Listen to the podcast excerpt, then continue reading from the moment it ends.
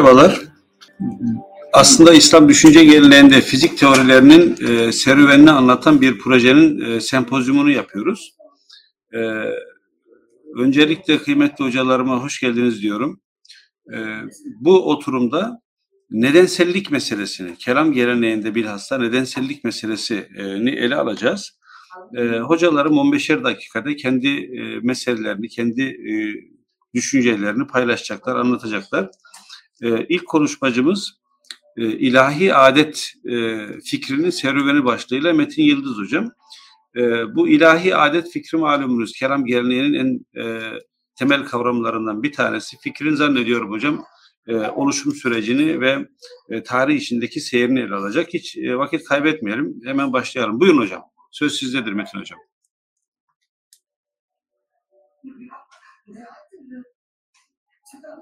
Sesiniz kapalı Metin hocam. Hı. Tamam hocam. Açıldı hocam şimdi. Teşekkür ediyorum Sayın Hocam. Ses geliyor değil mi hocam? Geliyor şu anda. Peki Sayın Başkanım, kıymetli hocalarım, sevgili dinleyiciler. Tebliğime başlamadan önce, sunuma başlamadan önce sizleri selamlıyorum. Hürmetlerimle, saygılarla selamlamak istiyorum. Ben Ömer Hocam'ın dediği gibi dünden beri bu sempozyumun ana temasıyla direkt bağlantılı olan bir konu, geniş bir konu ancak sınırlandırılması gereken bir konu. Kelam geleneğinde ilahi adet fikrinin serüveni. Bunu bu tebliği hazırlarken kelam geleneğin hepsini ele almadım. Ben özellikle Mutezile'nin teşekkülü ve Mutezile ile sürekli iletişim halinde olan eşari kelamcıları bağlamında bu konuya değindim ve bu oturumumuza da yine gelenek içerisinde Gazali'ye kadarki süreç ele alınacağı için ben süreci İmam Gazali'ye kadarki olan serüvenini ele almaya çalıştım. İlahi adet bir açıklama teorisi, ilahi adet fikri, adetullah ve da sadece el ade kavramı kelamcılar tabiattaki işleyişte sebep ile sonuç arasında sebep ile sonuç arasındaki işleyişte bir zorunluluğun olup olmadığı tartışmaları illiyet ya da nedensellik tartışmaları bağlamında bu konuya değinmişlerdir. Burada bu konu ilk ortaya atıldığında sistematik bir şekilde bu açıklama teorisi ortaya atılmamıştır. Malumunuz burada Müslüman kelamcılar farklı düşüncelerle özellikle Yunan düşüncesiyle karşılaştıklarında bir tarafta ellerinde Kur'an-ı Kerim nasıl anlama biçimi, diğer tarafta da tabiatla ilgili açıklama biçimlerini, açıklama modelleriyle karşılaştıklarında bir kuram geliştirmeye doğru bir evre, bir ilerleme aşama kat edilmiştir. Bu süreç Gazali'ye kadar sistematik hale gelen süreç belli taşların üstte örülmesiyle oluşmuştur diyebiliriz. Öncelikle daha mutezile ortaya çıkmadan İslam düşüncesindeki insan fiilleri kaza kader meselesi ve Cehm bin Safvan'la diyebileceğimiz bu Yunan düşüncesi fizik konularıyla tabiat düşüncesiyle karşılaşma neticesinde tabiatı açıklama biçimlerinde Allahu Teala'nın varlığı ve de var eden birisinin olaya müdahalesiyle tabiatın işleyişi, işlevliği arasındaki ilişki ele alınmıştır. Amacımız burada özellikle sınırlandırma boyutunda mutezile ve eşari kelamcıların Gazali'ye kadarki olan süreçte bu konuya yaklaşımı ele alacağız. Maturidi gelenek veya da haricenin ibaziye konusunda benzer bazı ifadelere de rastlanmakla birlikte biz daha çok bu merkez üzerinde özellikle de tabiatçı İslam kelamcılarının yaklaşımlarına karşı anti tabiatçı diyebileceğimiz kelamcıların da açıklaması bunun arada değineceğiz. Bu tarihsel arka planda bu düşünce belki kelam ilminde hani oryantalist yaklaşımda tüm kelami tartışmaların arka planı ya yani son yıllar belki e, biraz insaflı yorumları devre dışı bırakırsak mesela dünden beri Wolfson ismi anılıyor. Ya bütün açıklama kuramlarının ya Yahudi filona ya Yunan düşüncesine ya da farklı bir yere dayandırma gibi bazı yaklaşımlar olmakla beraber ama diğer tarafta özgün yapıların olduğunu da öncelikle söylememiz gerekir. Burada insanın yaptığı fiilleri bu insanın kendi fiillerine ait midir yoksa bu fiilleri zorunlu olarak meydana getirir gibi cebriye, kaderiye tartışmaları bizim coğrafyada hinterlandda ortaya çıkan bir husus. Cehm bin Safvan'ı biz cebriye ismiyle tanıdığımızda burada bir problem belki insan fiilleriyle ilgili olarak e, karşısına çıkabilir ama niyetinde tabiatı açıklama biçiminde Cehm'in Yunan düşüncesinden haberdar olduğu özellikle yani sudur nazaresi diyebiliriz. Tanrı'nın basitliği, yalınlığı gibi konularda Cehm'in malumat sahibi olduğunu söyleyebiliriz. İşte Cehm bin Safan'la beraber daha sonra yani yine insan fiilleriyle bir bağlantı olarak Dırar bin Amr'ın fiillerin oluşumu meselesi ve bizim burada da özellikle de tabiatçılık, doğa felsefesiyle bağlantılı olması hasebiyle tabiatçı Bağdat Mutezilesi ve Basra'da da Muammer, Cahiz, Nazım gibi Basralı Mutezilerin tabiatı açıklama modellerine karşı ilahi adet fikriyle bir karşıt açıklama biçimi olarak öne sürülmüştür diyebiliriz. Bunun seyrini yani biz kelam geleneğine baktığımızda bunun seyrinin kelam alimlerinden önce ve yine kelamcılardan sonra Batı düşüncesinde de ele alındığını söyleyebiliriz. Mesela Yunan'da etos kavramıyla ifade edilmesi, Aristoteles'in işte bu konulara yaklaşımda tabiat ve hatta felsefede özcülük olarak ifade edilen hususların ele alınması veya da okasyonalizm Gazali sonrası Batı dünyasında okasyonalizm, ara nedencilik veya da vesilecilik şeklinde ele alınan çok geniş bir konu. Bizim burada bu çalışmada özellikle teşekkül süreci ve mutezile ile eşariler arasında ilahi fiillerin, bu adet fikrinin açıklama boyutunu ele alacağız. Bu usta dünden beri sempozyumda gördüğümüz gibi diyelim ki bir nesnede ateş veya da su örneğini versek ateşin kendi doğası yukarıya doğru çıkması onun kendi bizzat kendi özelliği zatı kendisine ayrılmayan özelliğinde yakıcılığın olması gibi hususlar bunlar Yunan felsefesinde de Aristoteles'te de ele alınmış hususlar. Aynı şekilde cahiz, nazam benzeri tabiatçı özellikle Bağdat ekolü bu tabiat unsurlarına vurgu yapmışlardır. Bu tabiatın değişmesi mümkün mü değil midir? Ateşteki sıcaklık her zaman bu sıcaklığı devam ettirmek zorunda mıdır? Veyahut da bu her zaman yakmak zorunda mıdır gibi hususlara karşılık tabiatçı düşünürler özellikle tab kavramını kullanarak burada bir de yani bu tab kavramı bir virgül koymam gerekiyorsa tab kavramını, tabiat kavramını kullanmakla bir de yine Yunan düşüncesinde özellikle atomcu fikirlerden etkilenmiş yani bu bizim kelam atomculuğun özgünlük boyutu materyalist bir zihin dünyasının bu sefer Tanrı'nın varlığını ispatlamaya yönelik olarak Hudus deline dönüştürülen Hudus delinin aslında kullanılan kavramlarının Demokrit, Epikür gibi düşünürlerde, tabiatçı, doğa filozoflarında, atomcularda yani bir mekanizmanın olduğu, bu mekanizmanın neticesinde fiillerin zorunlu olarak meydana geldiği, bazen işte Epikür'ün çıkmazdan rastlantı, şans eseri unsurlarda çıkmazlardan kurtulmak için bir şans atomu, atomların kaymasının izahatı gibi hususlar da söylememiz gerekir.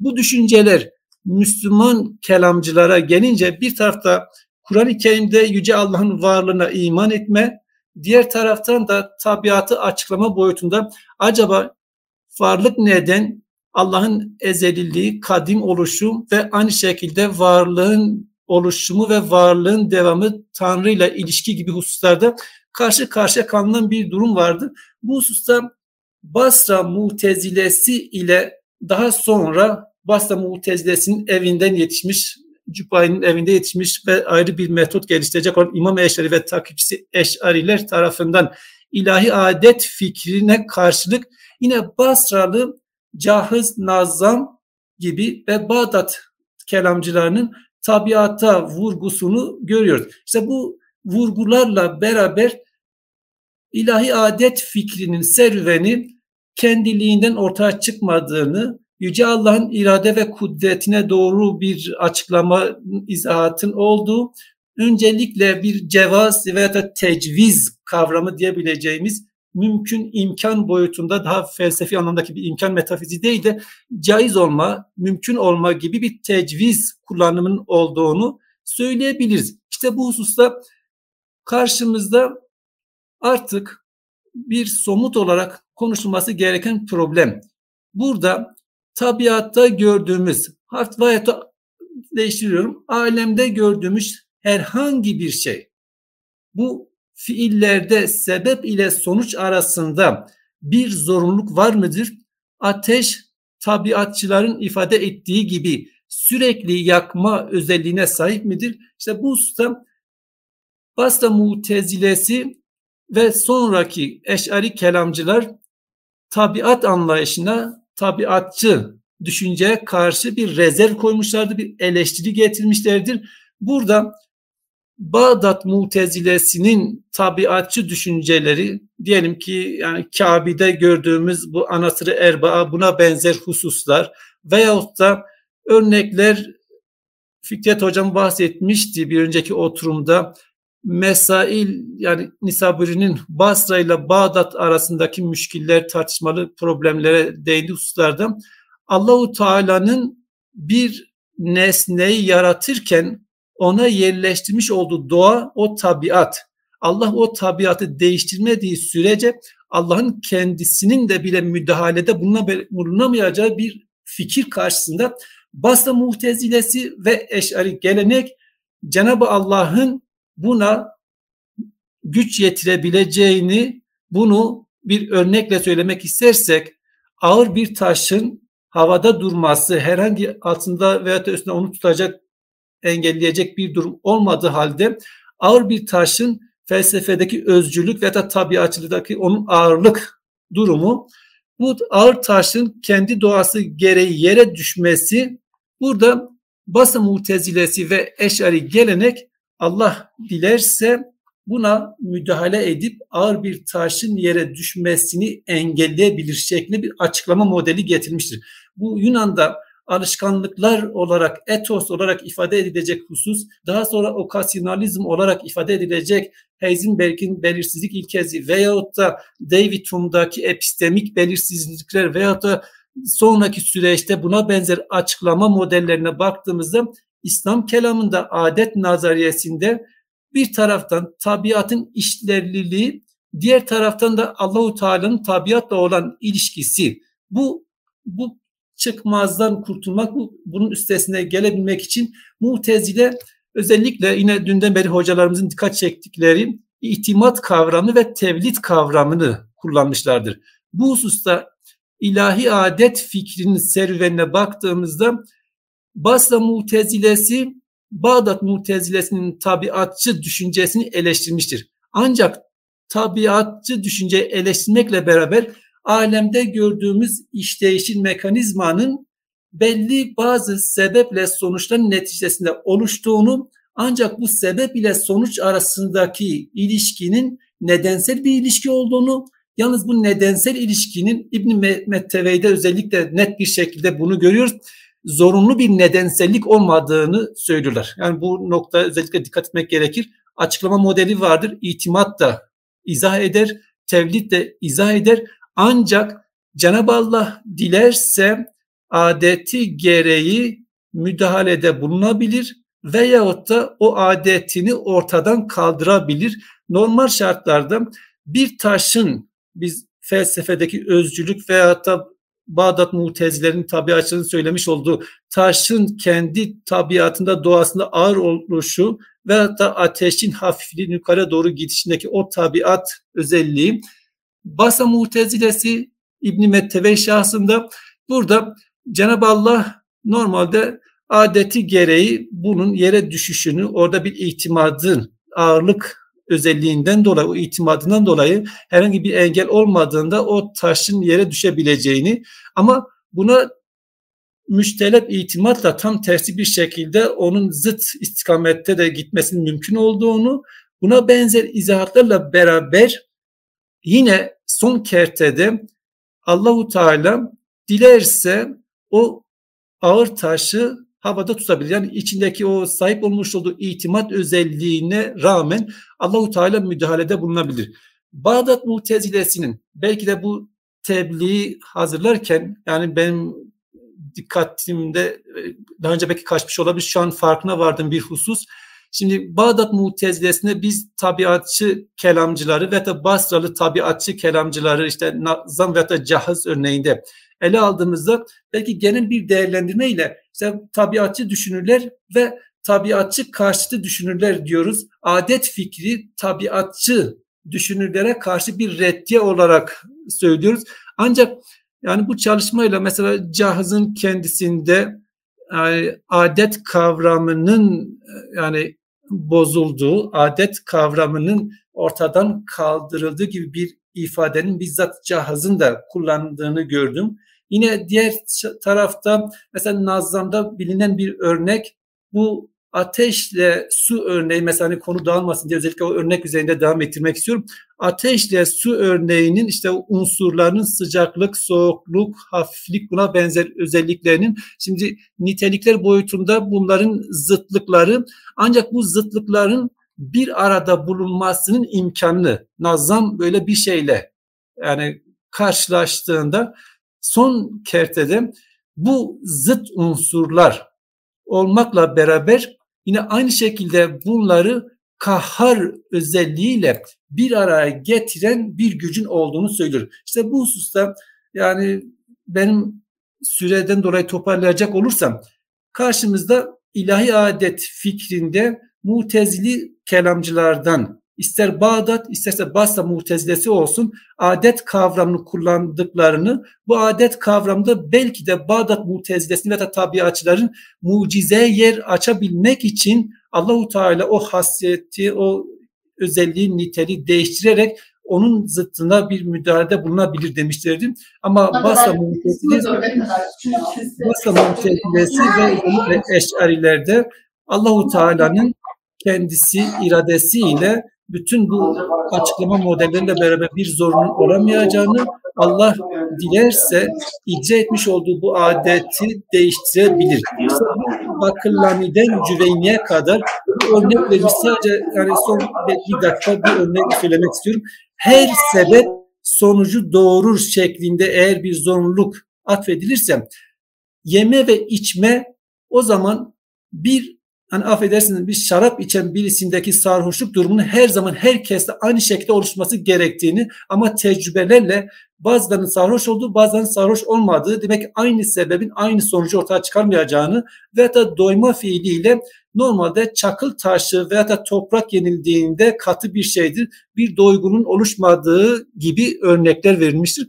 Burada bu açıklama modelinde kelamcıların özellikle de Gazali ile sistematik hale gelebilecek felsefi eleştirilere doğru evrilmesinde kelamcıların alemin işleyişinde bir düzenin olduğunu, bu düzenin zorunlu olmadığı fikrinin tabiatçı açıklama modeliyle söyleyeyim, tabiatı fiziği açıklama modeliyle söyleyeyim. Bir düzenlik var ancak bu düzenliği sağlayan zorunlu bir nedensellik yoktur. Bu düzenliği devam ettiren Cenab-ı Allah'ın iradesi, kudretidir. Beni sabırla dinlediğiniz için teşekkür ederim. Sağ olun. Eyvallah hocam. Biz teşekkür ediyoruz. Sağ olasınız.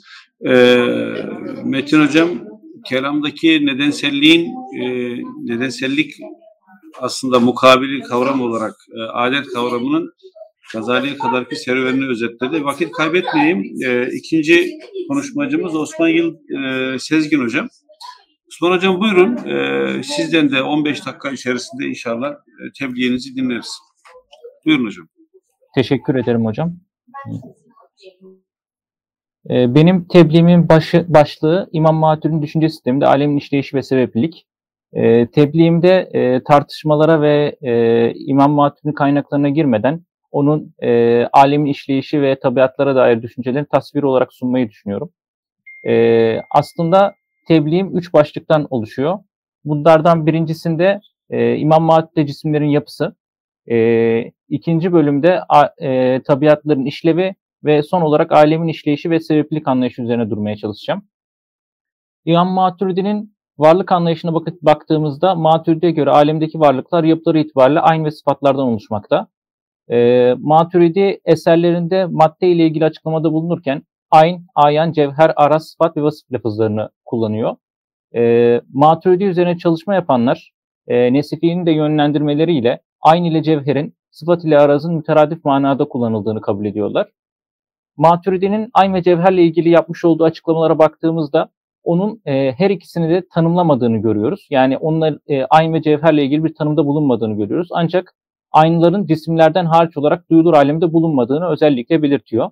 E, onun bu ifadesinden e, aynları cisimlerin birer cüzü olarak kabul ettiğini anlıyoruz. E, sıfat ve aras e, lafızlarına geldiğimizde ise bu konuda onun Kabe'ye yönelik bir eleştirisi bulunuyor. Buradan hareketle İmam Maturidi'nin sıfat ve araza olan yaklaşımını anlayabiliyoruz. Ee, İmam Maturidi e, değiş, cisimlerin değişime uğrayan niteliklerini yani e, görünümlerini e, Kabe'nin araz olarak isimlendirmesine dilden ve nastan e, tenkitlerde bulunuyor. E, ona göre dilde bir şey isimlendirmekten gaye onu tarif etmektir. Eğer ki cisimlerdeki tegayür yani değişim araz olarak isimlendirilecek olursa cismin aslı da değişime uğradığı için e, bu isimlendirme gayeye uygun olmayacağı için doğru olmayacaktır. Yine Enfal suresi 67. ayette ve Tövbe suresi 42. ayette arazüt dünya e, terkibinde geçen araz kelimesi e, cisimleri ifade ettiği için e, cisimlerin değişen niteliklerinin araz olarak isimlendirilmesi İslami isimlendirmeye uymayacaktır. Bu itibarla e, cisimlerdeki değişen niteliklerin sıfat olarak isimlendirmenin daha doğru olacağını düşünüyor. Buradan baktığımızda e, aslında bu eleştirilerden çıkartmamız gereken birkaç sonuç var. İmam Maturidi'ye göre, bunlardan birisi İmam Maturidi'ye göre aras e, kelimesi veya aras e, cisim manasında kullanılabilir. E, zaten e, İmam Maturidi'nin bunu Mekin Hoca da e, değinmişti e, kendi tebliğinde. İmam Maturidi'nin hatta Mehmet Bulgen Hoca'nın da tebliğinde biraz değinilmişti. E, cismin arazlardan oluştuğuna dair e, düşünceye sahip olduğu konusunda önemli delillerden birisi bu. E, baktığımız zaman burada dikkat etmemiz gereken bir başka husussa ya da dikkat çekmemiz gereken bir başka husussa İmam Maturidi'nin e, Aras üzerinden direkt e, Kabe'yi eleştirmesi ve Kabe'yi ismen zikretmesi.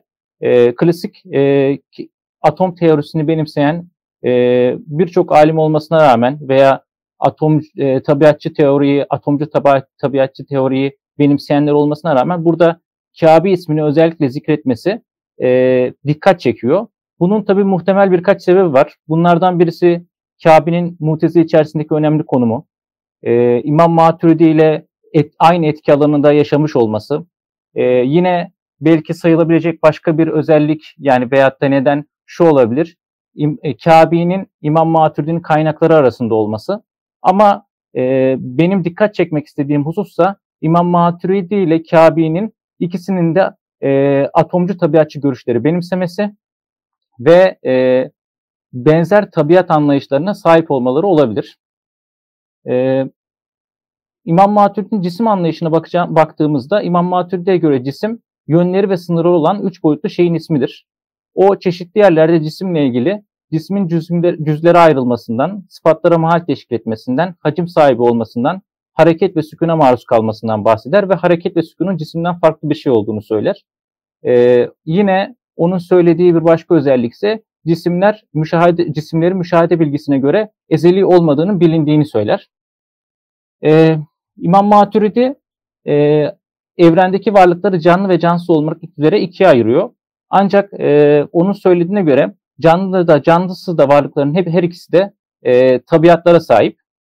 Bu noktada o dağlarda e, ve suda aşağı doğru düşme, ateşte yakma, e, yine ateşte ve ateşten yaratılan cinlerde yükselme, ağaçta ve ahşapta suyun, suyun üzerinde durma, e, gemilerde buna bağlı olarak ağaçtan yapılan gemilerde yüzme, taş ve demirde suya batma, kazlarda ve ördeklerde yüzme, kuşlarda uçmak gibi tabiatların bulunduğunu özellikle belirtiyor. E, İmam Maturidi'ye göre bu tabiatlar varlıklara Allah tarafından bir lütuf olarak verilmiştir ve e, bu tabiatlar sayesinde evren bir düzen ve ahenk içerisinde süreklilik sağlamaktadır. E, yine bu tabiatlar İmam Maturidi'ye göre alemin hikmet sahibi bir yaratıcı tarafından yaratıldığını gösteren önemli bir e, delildir. Çünkü e, o cisimlerin zıt tabiatları içerdiğini ancak bu zıt tabiatlara rağmen bir alemin bir ahenk içerisinde işlediğini söylüyor. E, burada da söylediği öz, önemli bir nokta var. Normalde müşahede aleminde biz zıtlıkların birbirini ittiğini ve birbirinden uzaklaştığını görmekteyiz. Ancak alemde zıt tabiatlara sahip olan cisimler bir düzen içerisinde varlıklarını sürdürmekteler. İmam Maturidi kuşların uçması, ördeklerin yüzebilmesi üzerinden e, canlı varlıkların tabiatları sayesinde eğitime ihtiyaç duymadan bazı becerilere sahip olduğunu ve bu becerileri kullanarak hayatlarını sürdürmekte olduklarını belirtiyor. Ee, ancak onu vurguladığı bu noktada vurguladığı husussa e, canlıların fiillerinin sebebi, can, bu tabiatlar canlıların fiillerinin sebebi olmakla birlikte e, onlar mahalli oldukları fiillerin faili konumunda değillerdir diyor. Yani yapılan fiiller e, tabiatların yapılan fiiller üzerinde etkisi olmasına rağmen onların birebir fiilin faili olarak sayılamayacağını özellikle vurguluyor. Ee, İmam Maturidi'nin tabiatlar konusunda en çok atıfta bulunduğu nokta ise insanın tabiatı meselesi. Tabi bu biraz şeyle de ilgili. Yani İmam Maturidi'nin insanı küçük alem olarak tanımlaması ve insanı özel bir e, önem vermesiyle de ilgili. İmam Maturidi'nin insanın tabiatı ile ilgili e, yaptığı açıklamaları aslında üç kısma ayırabiliriz. E, bunlardan birincisi bedensel yani fiziksel tabiatlar. E, İmam bu tabiatlar e, genelde İmam Maturidi'nin insanın bedeninin uzuvlarına nispet ettiği tabiatlar. Mesela elin tutma, gözün görme, kulağın işitme, ayağın yürüme, dilin konuşma tabiatına sahip olması gibi. Bunlar aslında e, diğer canlı ve cansız varlıklarla insanın ortak olduğu tabiatlar. Yani benzer noktada tabiatlar. İkinci bir tabiat türü ise insanın sahip olduğu İmam Maturidi'ye göre manevi tabiatlar. E, mesela insanda aceleci olma, malını ve canını sevme, zorluklardan hoşlanmama, savaştan korkma, şehvete meyyal olma gibi e, tabiatlar var İmam Maturidi'ye göre. Yine insanda cömert ve cesur olma ve ibadete düşkün olma gibi olumlu tabiatlar da var. İlk başta bakıldığında bu manevi tabiatların birbiriyle e, çeliştiği görülüyor. Yani nasıl hem e, malı sevecek hem de e, cömert olacak. Ancak bunun aslında İmam Maturidi düşüncesinde bir çelişki olmadığını şuradan anlıyoruz. İmam Maturidi'ye göre bu tabiatlar mutlak tabiatlar değil. Yani eğitimle e, ve çevresel faktörlere göre insan e, insanda değişebilen tabiatlar. E, burada da aslında şunu çıkartabiliyoruz. İmam Maturidi düşüncesinde sürekli bir yaratma, evrende, alemde sürekli bir yaratma ve Allah'ın aleme sürekli bir müdahalesi olduğu için e, insan hem aceleci olabiliyor hem de e, yavaş ve e, biraz daha şeylerden yani acele hareket etmekten kaçınan bir varlık haline dönüşebiliyor. E, burada e, üçüncü bir e, tabiat e, tabiatsa İmam Matur'a göre insana has olan aklın tabiatı. Ona göre akıl güzeli güzel, çirkin çirkin görme hasletine sahip. Bu itibarla insan aklı sayesinde tefekkür edebilmekte ve emredilene yönelip nehyedilenden uzak durabilmektedir. Bu itibarla insanların işledikleri kusurlara onları yönelten bedenlerindeki şehvete yönelik tabiatlar olmasına rağmen onların şehvete yönelerek cezaya mustahak olmalarının nedeni bedenlerinin sahip olduğu tabiat değil, doğruya yöneltme tabiatına sahip olan akıllarını kullanmamalarıdır. Yani İmam Maturidi'de tabiatlar e, insanı fiillerini şekillendirmekle beraber, şekillendiren bir faktör olmakla beraber mutlak faktör konumunda değillerdir. E, İmam Maturidi'nin tabiat anlayışında diğer önemli bir nokta ise e, tabiatların varlıkları e, çeşitlendirmesi meselesidir ya da değiştirmesi meselesidir. E, varlıklar kendilerine has tabiatlara sahip olabilir ve onlar bu tabiatları sahibiyle say sayesinde diğer varlıklardan ayrışırlar. E, burada şu dikkatimizi çekiyor. İmam Maturidi hem at, e, atomculuğu hem de tabiatçılığı benimsemesi itibariyle klasik atomcu görüşten ayrılıyor. Çünkü klasik atomcu görüşte farklılaşma, nesnelerdeki farklılaşma arazlar üzerinden açıklanırken İmam Maturidi'de tabiatlar üzerinden açıklanıyor. Yani varlıklar tabiatlarına uygun olan sıfatları taşıyor konuma geliyorlar. O yüzden asıl farklılaşma tabiatlar üzerinden açıklanıyor. E, genel bir özetleme yapacak olursak, tab- İmam Maturidi'ye göre tabiatlar e, ait olduğu varlığa belirli beceriler sağladıkları gibi ait olduğu cisimleri üzerinde belli fiillerin gerçekleşmesine, gerçekleşmesine hazır hale getiriyorlar. Bu noktada İmam Maturidi'nin tabiat anlayışının özellikle e, cisimleri üzerinde belli fiillerin gerçekleşmeye hazır hale getirmesi anlamında Kabe'nin tabiat anlayışıyla benzer olduğunu görüyoruz. Zaten İmam Maturidi'nin tabiatlardan bahsederken Kabe'ye bir eleştiride bulunmaması veya onu zikretmemesi de onunla benzer e, fikirlere sahip olduğu anlamına anlamında yorumlanabilir. Alemin işleyişi ve sebeplik meselesine gelecek olursak, İmam Maturidi hem sebep hem de illet lafızlarını eserlerinde kullanıyor.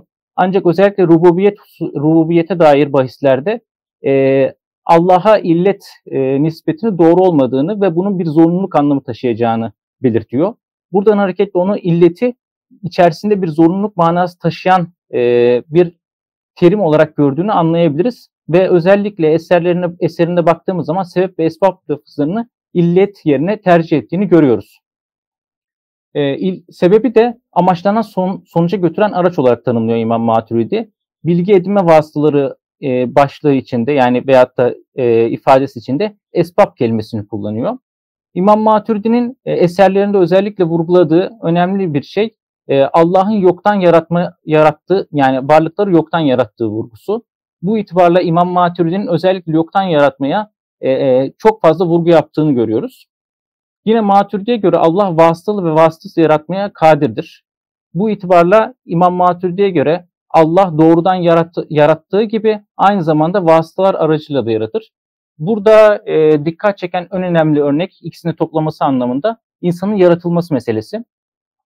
İnsanın yaratılmasında İmam Maturidi Hazreti Adem'in e, çamurdan, Hazreti Adem'in soyundan gelenlerinde sudan yani spermden yaratıldığını ancak Hazreti İsa'nın vasıtası olarak direkt olarak yaratılmasından bahsediyor.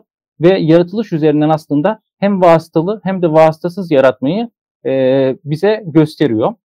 E, alemin sebepli yaratması meselesine gelince Maturidi'ye göre Allah yerden çıkan bitkileri gökten gökten e, göklere ait mekanizmalarla bağlamış. İnsan türünün geçimini çeşitli uğraşlara bağlı kılmış. Gece ve gündüzü insanların ihtiyaçlarına göre uzayıp kısacak şekilde yaratmıştır. Ee, Allah alem bütün canlı ve cansız cisimlerin varlıklarını birbirine bağımlı olarak devam ettirecekleri bir düzende alemi yaratmıştır. Buna baktığımızda İmam Maturidi'nin e, Allah'ı İmam Maturidi'ye göre Allah evrendeki işleyişi belli sebeplere uygun olarak insan e, ins, e, yaratmış ve e, bu noktada insanları ve diğer varlıkları birbirine muhtaç konuma kılmıştır. Öyle ki varlıklar Allah'ın onlara lütfettiği tabiatlar sayesinde ihtiyaçlarını sağlayabilmektedirler. Öyle ki ateşte bulunan yakma tabiatı sayesinde insanlar besinlerini kendileri için kullanılabilir hale getirmektedirler. Yine canlılar hayatlarını su sayesinde devam ettirmekte. Bazı varlıklar hastalıklarına şifa olarak e, hastaları hastaları iyileştirebilmektedirler. E, İmam Maturidi'nin tabiat anlayışında e, sürem az kalmış sanırım. E, vurguladığı diğer bir nokta ise e, sebeplerin tek yönlü olmaması. Yani varlıklar karşılıklı tabiatlarının uygun olması durumunda etkileşime geçebiliyorlar. Örneğin ateşin yanıcı olarak bir şeyi yakabilmesi için karşı tarafında karşı taraftaki varlığında yanıcı olması gerekiyor. Ona göre ilacın şifa verebilmesi için hastanın tabiatının şifayı alacak halde olması gerekiyor. Buna en önemli örneği de şöyle veriyor. İnsan nutfe halindeyken aldığı gıdalarla büyürken ihtiyarlık durumunda aynı gıdalar insana zarar verebilir diyor. E, burada e, tabiatların tek yönlü olmadığı, tabiatların iki yönlü olduğunu görüyoruz. E, genel olarak toparlayacak olursam çok fazla uzatmayayım. E, İmam Maturidi'nin e, alemi sebepli yaratma, Allah'ın alemi sebepli yaratması olarak insanı eğitmek olduğunu söylüyor. Çünkü insan bu alemde e, yaptıklarıyla mükafat ve zarar görmesi gördüğü takdirde ahiret için e, bunu anlamlandıracak ve buna göre eğitilmiş olacaktır. Ahirette elde edecek kazançlar veya cezalar için e, eğitilmiş olacaktır. Kısaca e, tabiatlar cisimlerin imkan ve yeteneklerini belirlemenin yanında e, nesnelerin kendilerini gerçek o, gerçekleşecek olan fiillere mahal haline getiren vasıtalar olarak tanımlanıyor İmam Maturidi'de. E, aynı zamanda Allah hem tabiatları, varlıkları yerleştirmiş hem de anlık yaratmayla bu tabiatların değişimine müdahale etmekte. E, ve tabiatlar tek başına fiilleri gerçekleştirmemekte, dışarıdan Allah'ın onlara tekvinle yaratmasıyla e, varlıklarda fiiller gerçekleşmekte. Bu noktada İmam Maturidi'nin aslında tekvin mükevven ayrımında net bir şekilde ortaya koyduğunu görüyoruz. E, İmam Maturidi hem atomcu hem de tabiatçılığı benimsemesi yönüyle e, atomculukla sürekli müdahaleyi e, sağlıyor. Tabiatçılıkla da alemdeki sürekliliği sağlıyor ve bir düzenin varlığını ortaya koyuyor. E, aslında atomculuktaki mütecanis atomlar fikri tabiatlar tabiatçılığı da benimsemesiyle hem e, farklı e, cisim birbirinden farklılaşan cisimler haline geliyor. E, burada şunu da söyleyebiliriz belki İmam Maturidi'ye göre e, aslah ve adet yerine hikmet prensibi ön plana çıkıyor e, ve süreksizlik içerisinde bir süreklilik ortaya koymuş oluyor. En kısa e, özetle e, adet teorisi epistemolojik temelli bir sebeplik önerirken İmam Maturidi'nin tabiat teorisi ontolojik temelli epistemolojik bir zorunlu olmayan Allah'ın hikmetine dayalı bir e, sebeplik modeli bize sunuyor. Bu sebeple e, onun modeli illiyet veya nedensellikten ziyade sebeplik olarak isimlendirilebilir. Dinlediğiniz için teşekkür ederim.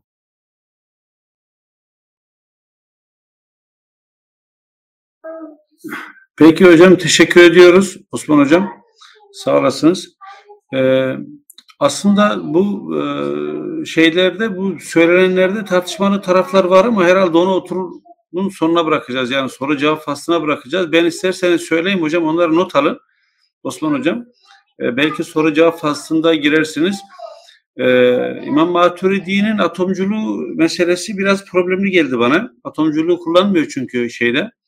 Ee, başta işaret ettiğiniz aracılıkla ilgili mülahazaya kitabı tevhide atomculuk kavramı yok.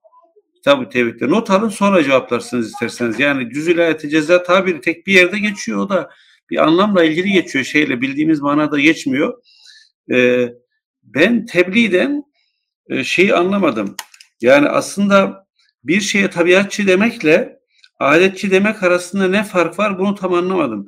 Sonunda bu e, ontolojik ve epistemolojik diye bir ayrım yaptınız ama ayrım bana çok net gelmedi hocam. Bunun üzerine bir düşünün.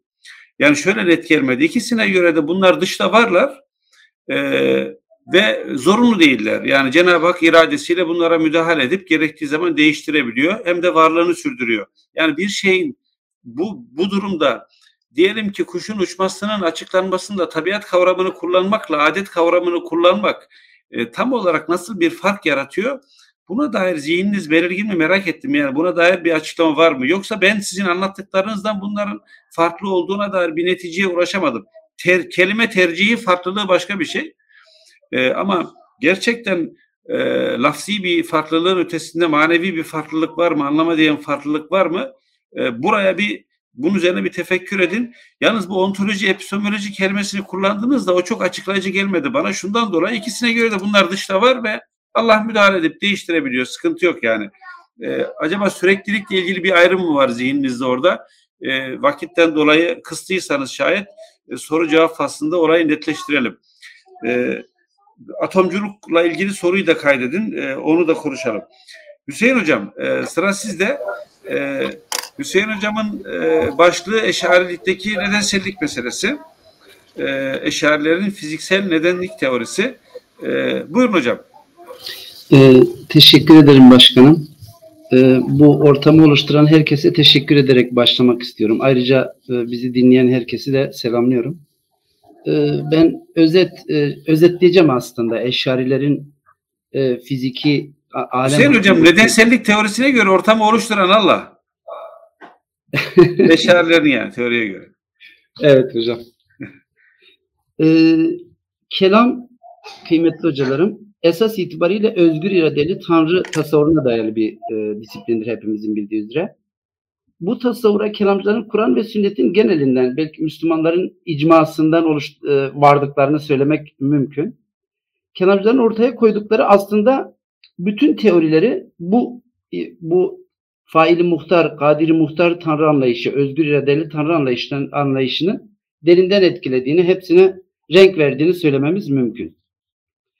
E, kelamcı düşünürlere göre alem faili muhtar bir tanrı tarafından meydana getirilmişse bu durumda yapısı gereği alemin de bu tasavvur ile tutarlı olması gerekir. Böylece kelamcılar alemin evvela yapısı gereği failin iradi müdahalesine açık olması gerektiğini bir postulat olarak kabul etmişler diyebiliriz. bahsi geçen tasavvurun temellerini aynı zamanda disiplinin de kurucuları olan mutezili kelamcılara atmış. Mutezili düşünürler temel ilkelerini ilahi adalet ve tevhidle de oluşturduklarından dolayı e, teoriyi buna elverişli hale de getirmeye çalışmışlar. İlahi adalete de çok güçlü vurgularından dolayı teori aynı zamanda ilahi adaleti de iptal etmeyecek e, bir zemine oturtmaya çalışmışlar. Ve teori ilahi kudretin öne çıktığı yerlerde nedensellik, o alemin açık olması, Allahu Teala'nın her an her şeyi yoktan var ettiği ilkesi çok güçlü bir şekilde vurgulanırken ilahi adalet e, ilkesi devreye girdiğinde bu ilkenin e, esnediğini, yer yer gevşediğini söylememiz mümkün. Eşarilerin iddiası özellikle ilahi kudretin vurgulandığı yerde değil, ilahi aslında adaletin ilgi alanında e, farklılaştığını görüyoruz. E, bir de e, ilahi o tevhid konusundaki mutezillerin e, ısrarlarının olduğu yerlerde farklılaşmaları görüyoruz kıymetli dinleyiciler. E, Eşarilere göre Mutezile'nin Mutezililerin iddiaları çok bizi çoklu sıfatlı teaddüdi evsaf teorisine götürmez yani. Belki teaddüdü kudema teorisine bizi götürebilir ama e, bizi teaddüdü evsaf teorisine götürmez. Genel olarak e, tartışma burada. Eşarilerin burada teaddüdü evsaf teorisine elverişli teori nasıl hale nasıl hale getirmeye çalıştıklarına dair aslında e, şeyi biraz açmaya çalışacağım.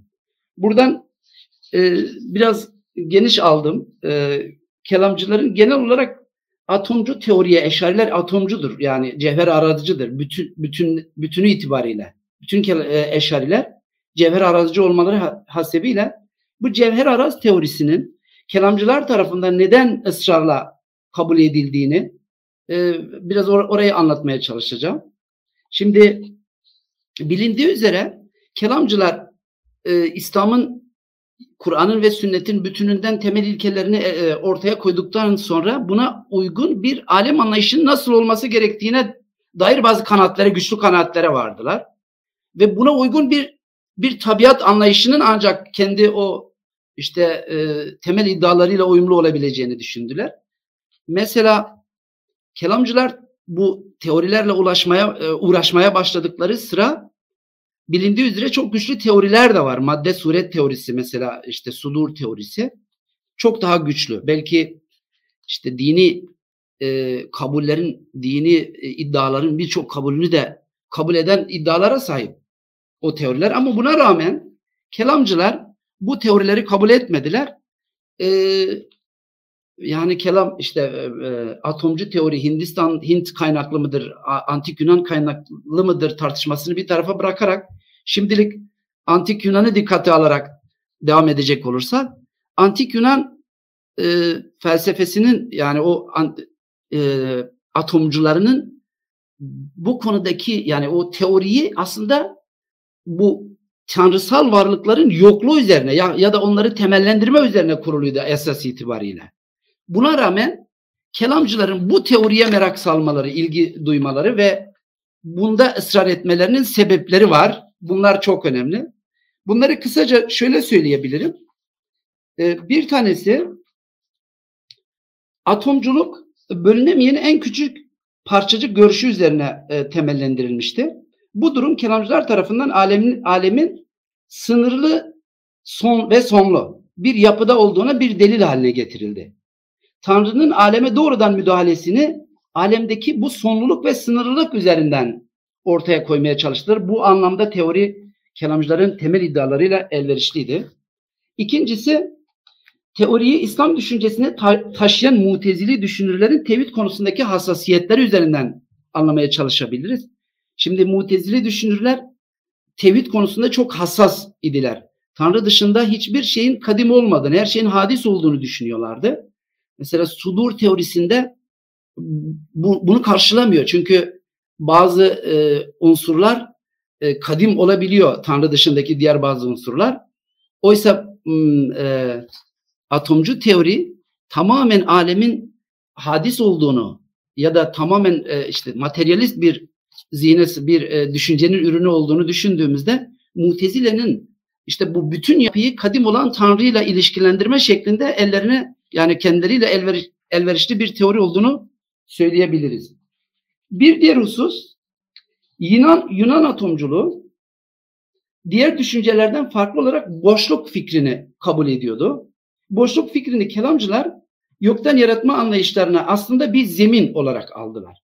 Boşluğu yoklukla eşdeğer kabul eden kelamcılar bu görüşü bu görüşün üzerine dini düşüncenin temel ilkelerini ilkelerinden biri olan yoktan yaratma teorisini inşa ettiler.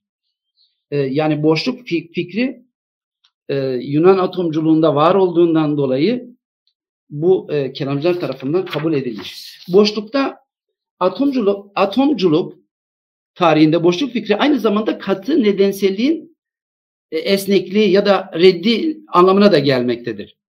Çünkü katı nedenselci filozofların alem anlayışı hiçbir boşluk kabul etmeyen dop dolu bir yapıya dayanıyordu. Bu durum alemde meydana gelen her bir olayın bir zincir şeklinde diğer bir olayı etkilediği anlayışına götürmüş. Oysa atomcular alemde boşluğun varlığını kabul ederek varlıktaki bütün nesnelerin parçacıklardan müteşekkil olduğunu ileri sürmüşler. Varlığın bu parçacıklı yapısının boşlukla beraber nesnelerin zorunlu etkileşimlerini seyrelttiği sonucuna varılmış.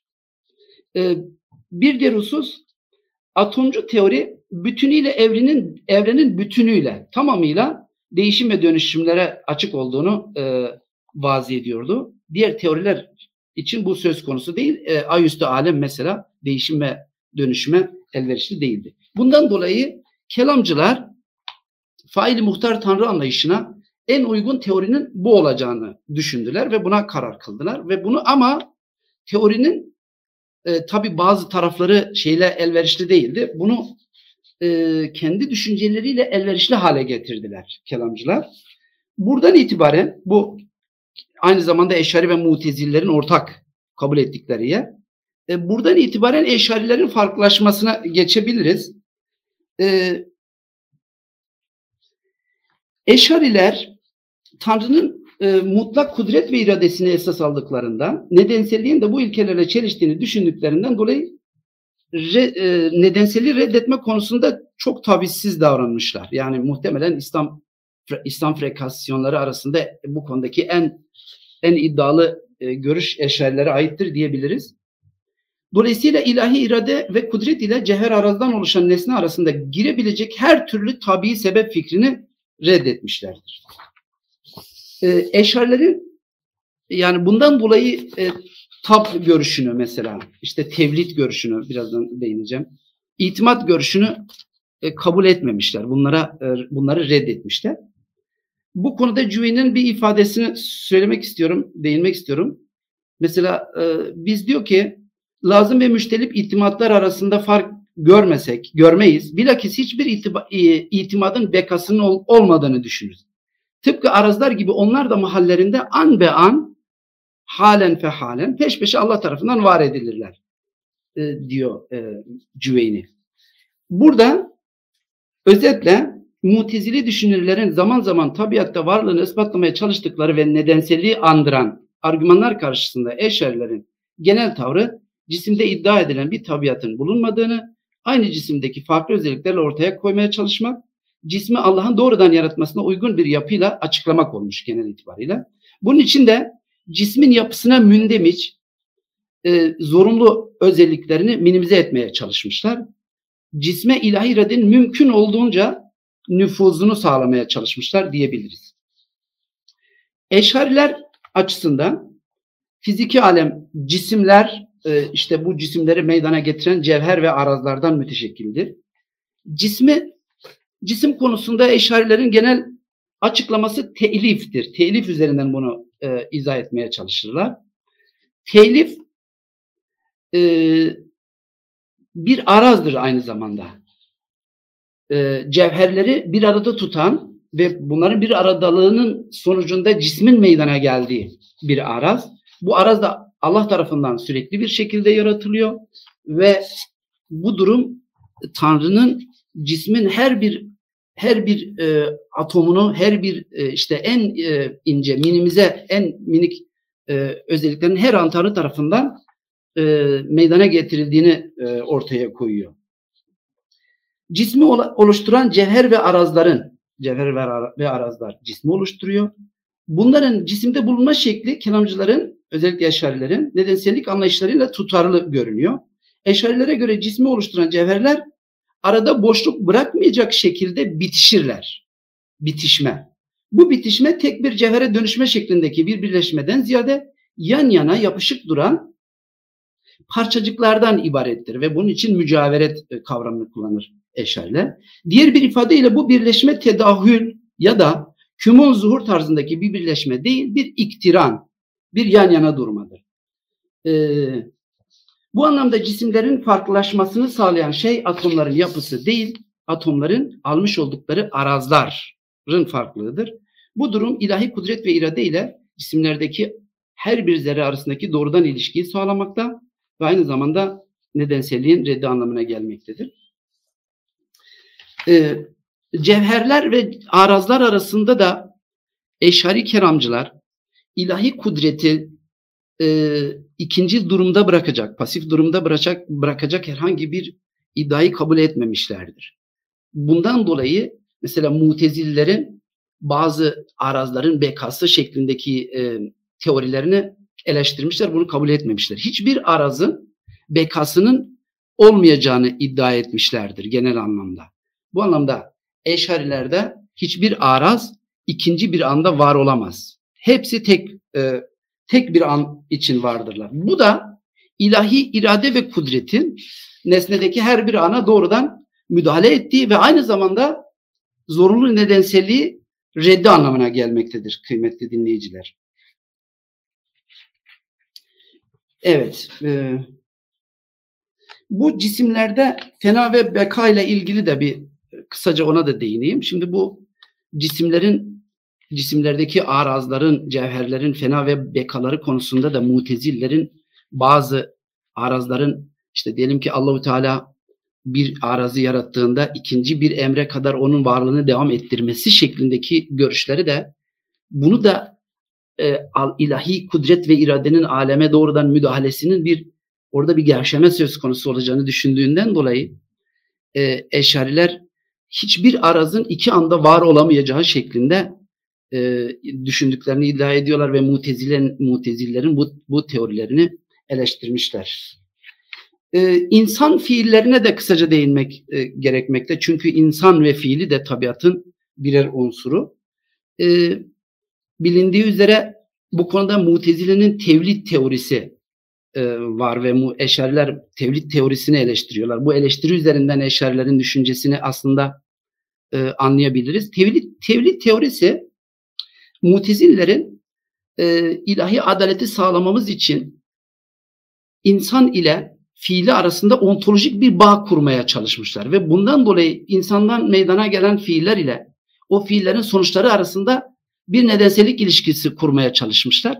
Bunun da eşarilerin ilahi kudreti e, yani mutezil e, eşarik düşünürlerin birinci sıraya koymuş oldukları ilahi kudreti e, tabiri caizse esneteceği şeklinde düşünülmüş. Bu da kabul edilmemiş.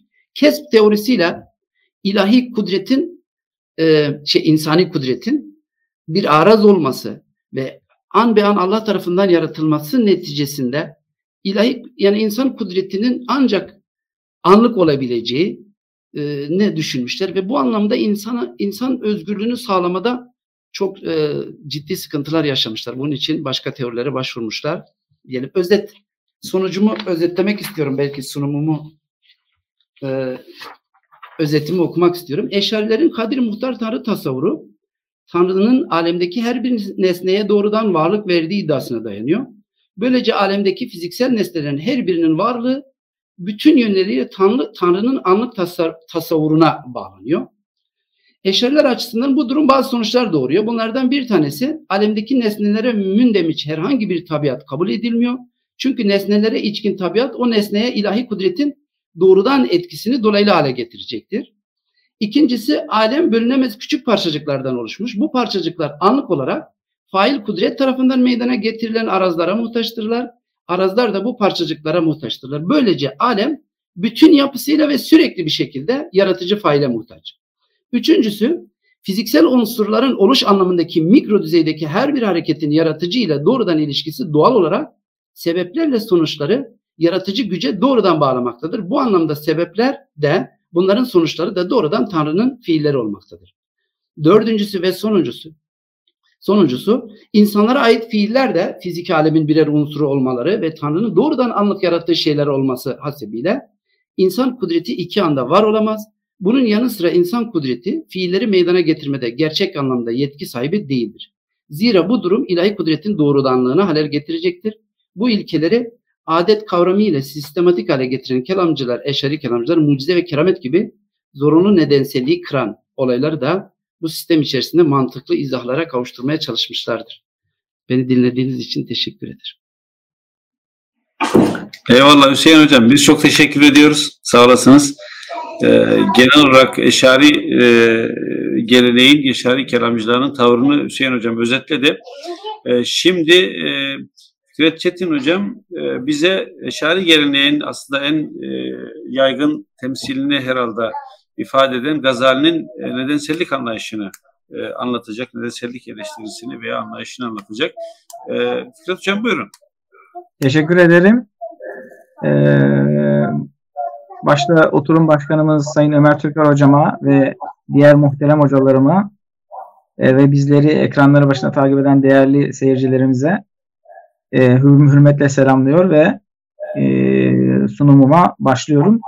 Ben e, Ömer hocamın da ifade ettiği gibi Gazali'nin e, en genel çerçevede nedenlik anlayışına e, dair bir sunum yapacağım. E, şöyle bir plan dahilinde sunmayı planlıyorum. Öncelikle e, Gazali'nin Tehafütül Felasife adlı eseri merkezinde onun o eserde tam olarak ne yapmaya çalıştığını anlatacağım. Bu çerçevede mesela hakkında yanlış anlaşılan bir iki noktaya işaret etmek istiyorum. E, sonrasında e, sebeplilik karşısında Gazali'nin tartıştığı farklı görüşler, e, bunların yol açtığı sorunlar ve bunlara Gazali'nin verdiği cevapları ele almaya çalışacağım kısaca. E, keza e, sonrasında Gazali'nin diğer eserleri çerçevesinde nedenliğe farklı yaklaşımlar getirdiği başka e, açılımları var mı? Onlara temas edeceğim. Daha sonra da son olarak e, ortaya çıkan sorunlar ve buna e, bu sorunlarda Gazali'nin nerede durduğu yani eşareliğin neresinde durduğu e, İslam dünyasının daha sonraki tartışmalarına ne derece yön vermiş olabileceğine dair yani buradaki özgünlüğü tartışması yani o burada sadece bir eşari e, temsilcisi olarak mı duruyor yoksa birçok yerde gördüğümüz gibi e, artık kendisini tamamen e, mustakil e, bir e, fikir adamı olarak düşündüğü gibi burada da kendine ait yaklaşımlarım var. Bunları bunların boyutlarını ve şeylerini irdelemeye çalışacağım. Şimdi öncelikle e, yani tabii zorunlu sebeplerin varlığına karşı çıkan adet teorisinin kelamcılar tarafından genel olarak yani mucize fenomenini açıklamak ve böylece nübüvveti ispat etmenin zemin oluşturmak gibi bir gaye ve kaygıya matufen geliştirildiği kimi çalışmalarda dile getiriliyor. Yani ilk bakışta Tehafütül Felsefeyi okuduğumuzda Evet yani zorunlu tabii sebepleri reddederek Gazali'nin karşısında adet teorisini koymasının ardından yani gerçekten böyle bir kaygı olduğu düşünülebilir. Nitekim o tabiat bahislerine girerken e, şöyle bir ifade kullanıyor. E, alıntı yapıyorum. Birinci meselede onlarla çekişmemizin altında ayın yarılması, ölünün dirilmesi, asanın yılana dönüşmesi gibi adeti bozan mucizelerin ispatının buna dayalı olması yatar. O halde bu konuya odaklanmamızın mucizeleri ispat için gereklidir. O bu hal bu konuya odaklanmamız mucizeleri ispat için gereklidir. Ayrıca bütün Müslümanların ittifak etmiş oldukları Allah'ın her şeye kadir olduğu hususunu desteklemek için de bu gereklidir. Şimdi bu alıntı aslında önemli bir alıntı. Fakat yani dikkatli okunmadığı takdirde aslında şöyle bir kaygının oluştuğunu e, ele veriyor. Yani öyle bir zannettiriyor, düşündürtüyor. Yani mucizeleri ispat için adet teorisini ortaya koymamız lazım. Oysa bu doğru bir tespit değil.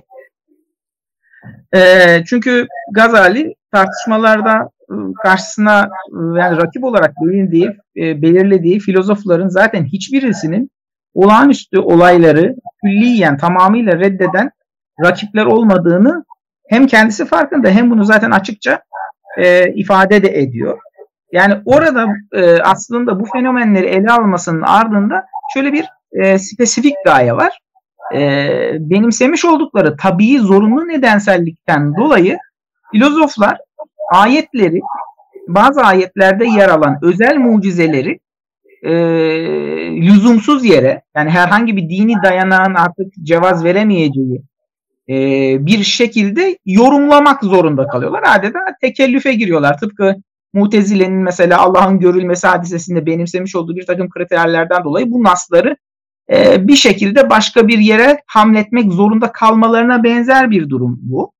E, o bakımdan e, yani burada esas mesele aslında e, bu yorumlara gerek olmadığını, onların kendi yani felsefecilerin kendi mezhepleri çerçevesinde de bu yorumları reddetmemeleri yani dinin yerleşik yorumlarına karşı çıkmamaları gerektiğine dair bir aslında e, hedef var. Yani ana amaç burada e, bu yoksa adet teorisini ortaya koyarak mucizenin imkanını ortaya koymak değil. Çünkü bunu esas itibariyle daha kitabın başında faili muhtar yani alemin hudusundan yola çıkarak faili muhtar inancını, anlayışını yerleştirerek zaten başarmış oluyor.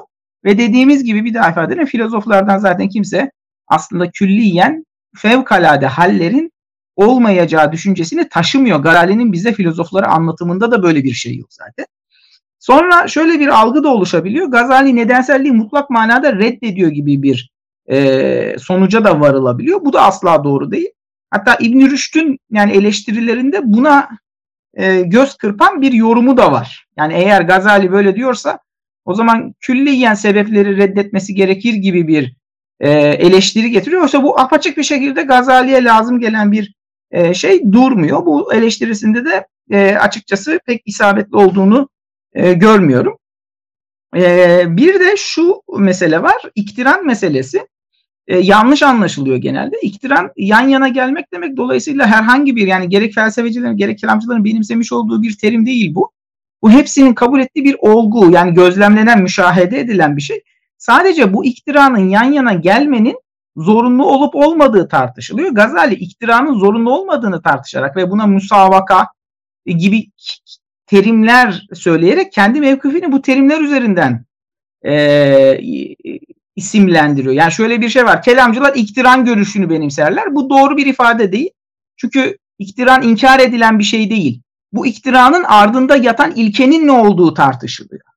E, nitekim konuya girişinde Gazali'nin bunu net bir şekilde hemen daha ilk cümlesinde iktiran kelimesinin ne, ne manada kullandığını daha 17. meselenin ilk girişinde görebiliriz. Şimdi bunlardan sonra şuna temas etmek istiyorum. Gazali e, üç sınıf, üç makamda aslında ele alıyor. Karşısında e, ne, nedensellik konusunu tartışırken filozoflardan üç temel yaklaşım var. Ya da tabii şöyle daha daha e, doğru ifade şu olabilir. E, tabii zorunlu nedenselliği iddia eden e, ehli nazar üç e, makamda değerlendirilebilir diye olabilir. Birincisi e, şu şunları diyenler ateş tabiatı itibarıyla zorunlu olarak yakar diyenler. E, bu makamla çok fazla Gazali meşgul olmuyor. Zaten filozofların muhakkiklerinin de hiç böyle bir şey söylemediğini e, dile getiriyor. Peki o zaman bunu söyleyen kim? Bunu söyleyen muhtemelen Kabi gibi e, filozof olmayan kelamcılar. Bazı kelamcılar ya yani tabiatları icabı ateşte bir yakma tabiatı vardır, gücü vardır ve bunun icabında yakar diyor. Gazali bunlar felsefecilerle muhatap olurken bu makamla çok uğraşmıyor. Gelelim ikinci makama. Şimdi ikinci makamda e, filozoflar ne diyorlar? Çok yaygın bir e, fikir. Yani e, ana temsil noktası belki de zaten burası. E, fiziki olaylar nesnelerin özünden, alt bileşenlerinden, yapısından ileri gelen tabii güçler sebebiyle gerçekleşiyor. Burada yine bunların bir rolü var. E, bu rol kritik, onlara rol biçmek kritik bir e, şey ifade ediyor bu görüşte. Ateş niçin yakar mesela? Çünkü ateşin özünde böyle bir tabii güç bulunuyor. E, e, e, özür dilerim. Yani ateş bizzat yakmanın faili değil. Fakat ateşe atılan odunda yanma işini dolayısıyla yanmaya dair istidadın oluşmasında ateşin kendisinden mahsus tabiatı rol oynuyor. Yani burada kritik olan husus dediğim gibi bu tabi ilkelerin de iradeli olmayıp zorunlu olarak o sonuçları gerektirdiğini söylemeli. Yani ateşin tabiatına kendisine o gücü vermiyor bunlar fakat e, burada orada var olan alt bileşenlerin hazırlamış olduğu istidadın da bir zorunluluk ve tabiat icabı bu sonuçları doğurduğuna dair bir vurgu yapılması lazım. Esas zaten Gazali'nin reddetmeye çalıştığı yer de burası tam olarak. Şimdi bunun ileride tabii sonuçları da var. Bunlara dön- döneceğiz vakit kalırsa. Bu mümkündür. Ee, yani şö- şöyle, e, özür dilerim. Evet. E, peki bu istidat ne yapıyor? Her şey ile hazır hale geldiğinde vahib suvar denilen metafizik güç e, oduna yanma suretini bahşediyor. Bunun anlamı nedir? İstidat ve gerekli bütün unsurlar var olduğunda yanma tabii olarak zorunlu olduğu gibi bu unsurlar mevcut olmadan bu hadiselerin meydana gelmesi de düşünülemez. İşte esas mesele bu. Yani bütün şartlar dediğimiz unsurlar var oldukta, herhangi bir mani olmadıkta, sebep dediğimiz bütün unsurlar tamamlandığında artık sonucun varlığı kaçınılmaz. Gazali'nin buna tabii ki itirazı var. Neden öyle bir şey olsun diyor. Yani biz ateşi sadece gözlemlediğimiz kısımda bir takım nesneler var, yan yana gelmeler var, işte şu şartlar var, soğukluk şartı var, yakınlık şartı var. Bu şartlar yanma diye bir fenomeni bizde neden doğursun? Bunun kaynağı gözlem mi yoksa akli bir takım zorunluluklar mı? Esas mesele burada tabii ki. Şimdi e, tabii bunun çok ciddi, e, bunun kabul edilmemesinin önünde çok ciddi sorunlar da var. Yani Gazali ne demiş oluyor aslında bir anlamıyla? Eğer böyle bir şey mümkün değilse her şey mümkün olabilir. Yani biz böyle bir tabiat tespit etmezsek yani az önce size 5 dakika önce bu meseleyi anlatan ben belki de ben değilimdir şimdi. Yer değiştirmişimdir veya başka bir canlı, başka bir varlık olarak karşınızda duruyorumdur. Bu da olabilir gibi bir e, ilzam söz konusu. Gazali olabilir tabii diyor bunu. Bunda bir sakınca görmüyor aslında şey olarak, teorik olarak bu mümkündür. Bunu kabul ediyorum ama bu ancak şu şartla çok büyük bir probleme yol açardı. Bu haddi zatında mümkün olan bir olay. Haddi zatında mümkün olan olay hakkında Allah'ın bu mümkün olayın gerçekleşmediği, aksinin gerçekleştiğine dair bizde zaruri bir bilgi yaratması imkansız olsaydı sizin dediğiniz bu izam gerçekten başımıza büyük iş açardı. Ama Allah bize bu bunun gerçekleşmediğine dair zorunlu bilgiyi yaratıyorsa yani biz özünde mümkün olan bir olayın vaki olmadığını zorunlu olarak bilebiliyorsak sorun nerede anlamıyorum diyor ama çok enteresan bir şey burada Gazali diyor ki biz bu bilgiyi de adetle biliyoruz. Yani bu buna dair bilgimiz de adet yoluyla gerçekleşiyor diyor. Yani ve bunun zorunlu olduğunu aynı zamanda zorunlu bilgi var ve fakat yine adet üzere gerçekleşen bir gerilim var aslında. Yani böyle biraz yakınlaştıkça sanki içeride bir paradoks varlığı seziliyor gibi. Şimdi üçüncü olarak e, biz diyor bize yaptığınız bu ilzamlardan kurtulacağımız üçüncü bir e, şey daha önerebiliriz size. O da nedir? Yani tamam dediğiniz gibi olsun diyor aslında. Hani ateşin gerçekten tesir edici, yakıcı bir tabiatı olsun. Ama neden şimdi ayetlerde işte Hazreti İbrahim'in yanmadığı gibi apaçık ayetleri yani tevil etmeye mecal var mı? Boş yere böyle e, bir takım kendimize yani benimsemiş olduğumuz bir takım prensiplerden dolayı. Allah diyor mesela ateşteki belki yakıcılığı e, o anda izale etmiş olabilir. Bu, bu zaman tabii şöyle bir soru ortaya çıkıyor. O zaman o ateş ateş olarak mı kaldı? Hadi bunu da geçtik.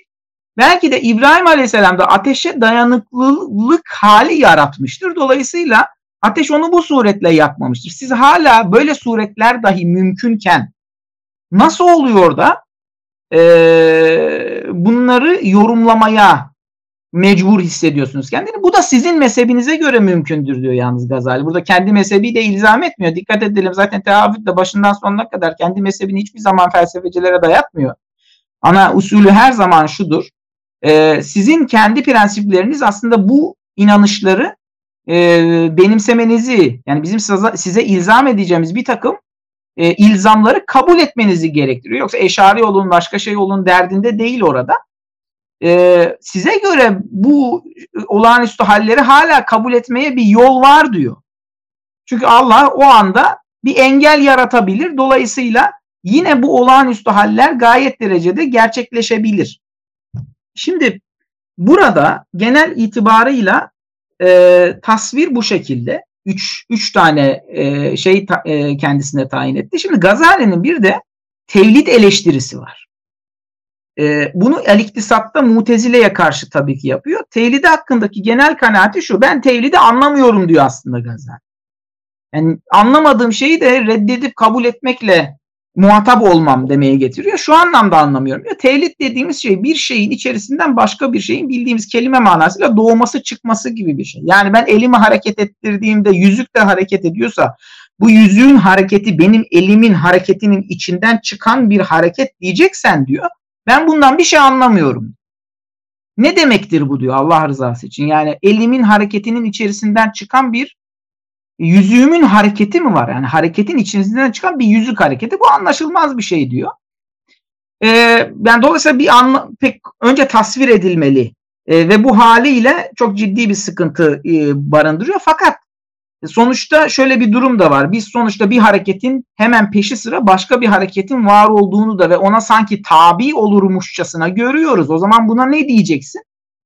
Yani bunu şart meşrut alakasıyla açıklamaya çalışıyor Gazali. Şimdi gerilimin yani yükseldiği yerlerden bir tanesi bu. Şimdi diyecek ki iktiranın çeşitleri var. İktiran ayrılamayan iktiranlar ve ayrılabilen iktiranlar olarak ikiye ayrılır. Yani sen bana bir şeyin şartını e, bu olduğunda meşrut gerçekleştiğinde şart nasıl gerçekleşmez diye sorarsan ben derim ki bu zaten bunun şartı. Şart olan bir şey meşrut gerçekleştiğinde zaten gerçekleşmek zorunda. Dolayısıyla yani şöyle bir şey e, sorulduğunda bu abes bir sual olur. Yani Allah e, üç tane e, yani üçgeni yaratıp da üçü yaratmayabilir mi? E, gibisinden bir soru mesela abes olurdu. Çünkü üç olmadan üçgenin varlığı düşünülemez bir şey. Ama diyor e, ateşle yakmak arasında biz böyle bir irtibat göremiyoruz. Yani ateşi tasavvur etmek, mutlaka bizde yanmak diye bir fiili tasavvur etmeyi de gerektirmez. Şimdi e, tevlit eleştirisi böyle. Fakat Erbayin de e, enteresan bir şekilde Gazali alemin işleyişini bir saat gibi tasvir ediyor ve bunun bundan başka bir şekilde meydana gelmesi mümkün değildir gibisinden aslında böyle bir külli zorunluluğa hamledilebilecek sözler söylüyor. Yani orada çok tasvir gariptir gerçekten. Yani alemin kaderin e, an, açıl, yani anlatılması babında. Hakikaten oraya baktığımızda Gazali bize mekanik bir alem modeli anlatıyor gibi bir olay var. E, üstelik şunu da biliyoruz. Leyse fil imkani ebda ebda mimma kan. Yani o, bu var olan, vara gelen, vücuda gelen alemden daha güzel bir alem ihtimali yoktur gibisinden var olanın aslında en güzel haliyle mevcut olduğunu söyleyen başka bir sözü de var. Şimdi bütün bu sözleri bir araya getirdiğimiz aslında Gazali'nin çok ilginç bir yerde durduğunu görebiliriz. Yani o hakikaten tespit edilmesi, konumlandırılması güç bir yerde de duruyor. Şahsen ben böyle görüyorum. Çünkü o saf bir eşari olarak yani e, eğer ki yani e, tehafütte veya iktisattaki açıklamalarıyla yetinseydi saf bir eşari olarak orada bilindik yerinde kalabilirdi. Ama onun kendi özgün fikirlerini daha ziyade dile getirmiş olduğu mesela El Erbain'in de veya başka eserlerinde daha başka şeyler veya İhya'da mesela daha başka şeyler de söylediğini görüyoruz. Şimdi burada bir problem var gerçekten. Yani nasıl oluyor da e, alemde zorunlu bundan daha iyi bir seçenek olmuyor? Yani bu zorunluluk nereden geliyor bir anlamıyla? E, bir yandan da e, sebeplilik yani Allah her şeye kadirdir ama yani Gazali bunu şöyle anlatmıyor. E, bundan daha başka bir seçeneği olması düşünülemezdi tarzında bir de zorunluluk katarak işin içine öyle anlatıyor. Dolayısıyla bunlar e, Gazali'den kaynaklanan sorunlar. Şimdi e, e, ben bitirirken şunlara işaret etmek istiyorum. Yani esas bu sorunların çözümü nerede bulunabilir ve nereden kaynaklandığını tespit edecek olursak bunların hakkında yani mahiyetlerin mecul olup olmamasına varıyor bir yerde olay. Yani e, şimdi Allah'ın kudreti mesela hangi noktada tesir ediyor? Vücuda mı mahiyete mi? Eğer vücuda tesir ediyorsa taalluk yani kudretin taalluku sadece vücudaysa bu ezelde sabit mahiyetlerin olmasına kapı açan bir yaklaşım olduğuna göre mesela ilim mertebesindeki bu belirlenin mesela fizik alemde bir takım li gayrihi zorunlulukları doğurmasında ne sakınca var? Sonra bu arada mesela mahiyetlerin ezelde var olmasının yani taaddüdül kudemaya yol açabileceğini fakat bunun harici bir vücut mesela olmadığından dolayı ehli sünnet açısından da bir teşkil etmeyeceğini, bir sorun teşkil etmeyeceğini, bu meselenin mesela felasife ve mutezeleye munhasır olmayan bir mesele olduğunu söylüyor mesela Dusuki. Ümmül Berahin haşiyesinde. Bu da enteresan bir tespit orada. Mesela soruya dönecek olursak mesela Tanrı'nın bir şey yaratması, yarattığı anda o şeyi yok etme şıkkını doğal olarak e, eliyor ve biz buna iradeye zarar vermediğini söylüyoruz. E, aynı şekilde sıcak kılınmış bir varlığın bizim bilemediğimiz zorunlu bir yakıcılık özelliği olsa mesela e, Allah bu yakıcılığı kaldırmak istediğinde maniler yaratsa yani o şey yakıcılık tabiatını muhafaza etse yani mesela Tehafütte Gazali'nin değindiği üçüncü makam aslında reddedilmesi Gazali açısından zorunlu olmayan bir makam olarak duruyor bu takdirde. Yani üçüncü makamı Gazali'nin e, yani benimsemesinin e, önünde akli bir engel var mı Gazali açısından? Bu yani oldukça belirsiz. E, hatta birinci makam bile bu konuda belki iddia edilebilir. Çünkü birinci makamda dile getirilen konumun bile neden benimsenemeyeceği çok açık değil. Bir kuvve-i muda denilen fenomenden mesela neden bahsedilemez? Yani doğrudan doğruya Allah'tan bağımsız bir e, tabii güç yok. Ama yine eşya tabiatıyla iş görüyor ve onlarda bazı mutezilenin söylemiş olduğu gibi eşyada bir vaz edilmiş bir kuvvet var. ilahi kudret var. Bunu Allah'a hamlederek mesela sorunun niye e, yine çözülemeyeceği bu da pek açık durum. Şimdi yani bu e, sanırım bunlar Gazali'nin cevaplaması gereken sorular olarak karşımıza. Yani en azından biz onun metinlerinden bir cevap çıkarmak zorundayız.